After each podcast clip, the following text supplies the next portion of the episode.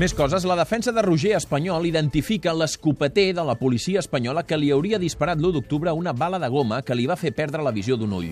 Els seus advocats del grup Iridia asseguren que és la primera vegada a tot l'estat espanyol que s'aconsegueix identificar d'aquesta manera, Maria Núria Rebelle. Els lletrats ja han demanat al jutge que imputi el cap del subgrup, és a dir, el superior immediat de l'escopeter per aquestes raons que explica l'advocada Anaïs Franquesa. Per tant, que la responsabilitat d'aquest eh, comandament és clara pel que fa o bé en l'ordre de, de disparar o bé en permetre o no impedir-ho, això és evident tant en, sobretot en, en, el, en el moment en el que ja s'està disparant a persones ferides. Bueno, una persona ferida i la persona que, les persones que el socorren.